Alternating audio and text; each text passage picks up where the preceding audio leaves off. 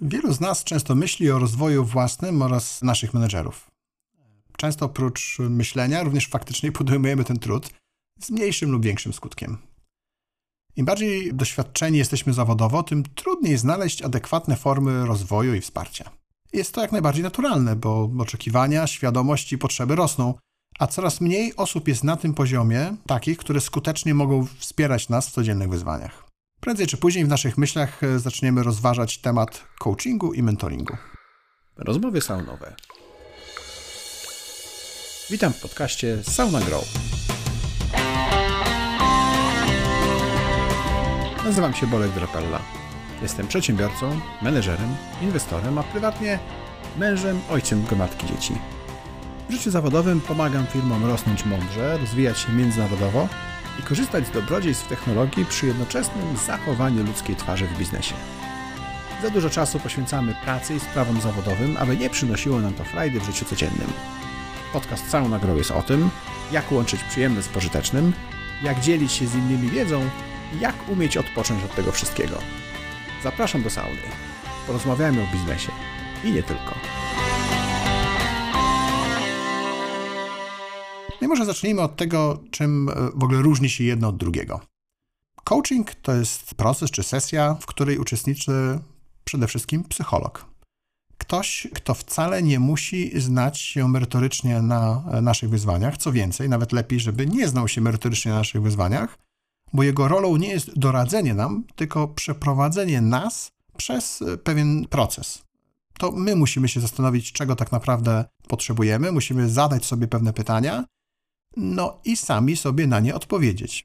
A coach jest takim wsparciem w tym procesie myślowym, więc bardzo często ten proces pomaga nam przejść i podjąć pewne decyzje, które gdzieś tam podświadomie u nas się kołaczą, zastanawiamy się, jak, jak sobie z tym poradzić. I w tym potrafi nam pomóc coach. Natomiast mentor to z założenia jest osoba doświadczona w tym konkretnym obszarze czy wyzwaniu, który nas dotyczy. Czyli mentor jest osobą, która była często nawet wiele razy w tym miejscu, do którego my chcemy dojść, i jest to osoba, od której oczekujemy konkretnej rady lub weryfikacji, czy to, co myślimy o tym, jak rozwiązać dany problem, czy ma szansę zadziałać. Mentor też pomaga nam uniknąć błędów, które sam popełnił w przeszłości, a dzięki takiej rozmowie mentorskiej jesteśmy w stanie tych właśnie błędów nie powtórzyć. Możemy powtarzać własne, ale przynajmniej te same błędy, które mentor powtórzył, e, może uda się uniknąć.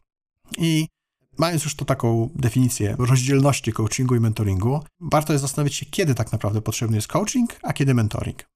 Z naszego doświadczenia w Sauna Grow wynika, że można te dwie rzeczy łączyć. Podstawową rolą mentorów w Sauna Grow jest właśnie prowadzenie sesji mentoringowych, czyli mówimy, pomagamy odnaleźć właściwą drogę i faktycznie wspieramy swoim doświadczeniem. Ale czasami coach może w inny sposób utwierdzić nas, że to, do czego doszliśmy, często wspólnie z mentorem, jest albo może nie jest najlepszą drogą, którą powinniśmy obrać. Więc sporadyczne sesje coachingowe pozwolą nam utwierdzić się w przekonaniu, że idziemy dobrą drogą, którą częściowo mógł nam wskazać razem w rozmowie mentor. Natomiast czym mentoring nie jest? Mentoring nie jest przejęciem odpowiedzialności za dane działania. To nie chodzi o to, że od tej pory dany obszar marketingu, sprzedaży, technologii, obsługi klienta przejmie mentor i teraz on będzie nam mówił dokładnie, co mamy robić. My możemy skorzystać z jego czy z jej doświadczeń, ale to my sami musimy tę decyzję podjąć. My sami musimy ten, te, te, te problemy później jakby w, w praktyce operacyjnie rozwiązywać. Mentor jest takim przewodnikiem, który jest obok, ale nie prowadzi nas za rękę przez cały czas. On czasami e, może faktycznie swoim doświadczeniem wesprzeć, ale to my musimy sami tę decyzję podjąć. Warto też przy tej okazji e, wspomnieć, że tak naprawdę mentorem może być każdy, kto chce się dzielić swoimi doświadczeniami, kto zebrał już faktycznie tych doświadczeń odpowiednio dużo i wcale nie zawsze musi być to osoba spoza organizacji warto tak pamiętać o tym i szerzyć kulturę mentoringu we własnej organizacji, czyli dawać ludziom możliwość do tego, żeby uczyli się od osób, które są bardziej doświadczone. Czasami można też korzystać z mentorów, tak zwanych mentorów ad hoc, czyli nie stałego mentora, tylko wyjść do innej organizacji, nawet konkurencyjnej, która jest o kilka lat do przodu względem naszej organizacji albo działa na trochę innym rynku, ale wyzwania mogą być bardzo podobne. I odnajdując taką osobę, można też bardzo wiele się nauczyć. Oczywiście taka osoba nie będzie zupełnie bez, bezkosztowo mogła wspierać nas regularnie, ale raz, dwa, takie, takie, jedno, dwa takie spotkania mogą faktycznie już nam pomóc i, i, i poszerzyć nam horyzonty. Natomiast jak już mówimy o mentoringu takim bardziej stałym, to warto pomyśleć o tym, jak mądrze z niego korzystać. Istotne elementy to jest częstotliwość tych spotkań, żeby one się faktycznie odbywały regularnie. Ona się z czasem zmienia, ta częstotliwość, bo nie jest potrzebna aż tak regularnie jak na początku. Warto jest się przygotować do takiej sesji wiedzieć, czego tak naprawdę dzisiaj oczekuję od tego mentora. Jakie mam e, konkretne pytania, które, które chciałbym, e, czy chciałbym z nim omówić, bo to faktycznie spowoduje, że to spotkanie będzie bardziej efektywne.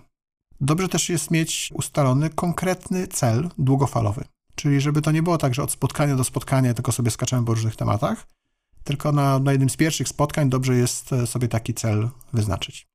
Też w kontekście tej częstotliwości i regularności kontaktu, taki regularny kontakt to jest gwarancja wsparcia mentora nie tak oderwana od rzeczywistości, tylko z czasem, jak mentor nas poznaje, to coraz bardziej nas zna, coraz bardziej zna kontekst tego, w jakiej firmie, w jakiej organizacji, w jakim zespole pracujemy i jesteśmy jakby w stanie faktycznie lepiej skorzystać na radach takiego mentora. Mentorzy również mają bardzo bogaty network, tak? czyli swoją sieć powiązań, sieć swoich kontaktów. I tu bardzo mi pasuje takie hawajskie powiedzenie, że nie nauczysz się wszystkiego od jednego nauczyciela. Czyli warto korzystać również z kontaktów mentora po to, żeby sięgać do innych osób, które w danym obszarze mogą mieć większe doświadczenie niż mentor, albo po prostu mogą nam pomóc rzucić inne światło na te same tematy. Trochę tak parafrazując to, co powiedziałem przed chwilą, na ten mentoring można spojrzeć też nieco bardziej systemowo tak jak e, zrobili to Ken Blanchard e, i Claire Diaz-Ortiz w książce Jednominutowy Mentoring. Oni rozbili słowo mentor jako skrót sześciu elementów takich składowych relacji mentorskiej. M od mission, czyli że program mentoringowy powinien mieć konkretny i spisany cel. Dalej E od engagement, czyli obie strony angażują się w to, żeby osiągnąć ten cel, między innymi regularnie się spotykając, o czym mówiłem. N, czyli network, czyli ten mentor udostępnia swoją sieć kontaktów, a druga osoba rozważnie z tej sieci korzysta. Trust od T. Obie strony budują w sobie zaufanie, taką bliskość, która realnie pomaga i łatwiej jest zrozumieć później to, e, w jakim kierunku powinniśmy iść. O od opportunity. Te spotkania to szansa na rozwiązywanie konkretnych problemów, rozwój osobisty i otrzymanie wsparcia. I na końcu R od review. Regularne, często po 9 miesiącach w okolicy roku, weryfikujemy, czy cel został osiągnięty i w razie czego, w razie potrzeby korygujemy go lub wyznaczamy nowy. Dla takiego pełniejszego przykładu, jak to może wyglądać, jak może wyglądać relacja mentorska, opowiem Wam o tym, jak to robimy w ramach SaunaGrow. Mentoring w SaunaGrow tworzymy jako konkretny program wsparcia kluczowych pracowników, zarządu, właścicieli danej firmy, również menedżerów różnego szczebla. To jest niezwykła relacja tworzona między mentorem i osobą mentorowaną, która dostarcza wartości na wielu poziomach. Relacja jest oparta na zaufaniu i otwartości obu stron, wiedzy merytorycznej i takim praktycznym podejściu do wyzwań, często bardzo konkretne, wspólnie rozwiązywane e, codzienne wyzwania. Przez taką bliską relację osoba mentorowana może liczyć na realną i praktyczną pomoc, a nie jedynie ogólnie złote rady rodem coachów YouTube'owych czy podręczników z Harvardu. Mentor często staje się po prostu doświadczonym przyjacielem, a osoba mentorowana bliską osobą dla mentora. Spotkania rozpoczynają się od wzajemnego poznania się obu stron i zadeklarowania misji, czyli tego celu, do czego obie strony dążą, żeby wspólnie w ciągu 9-miesięcznego programu udało się to osiągnąć.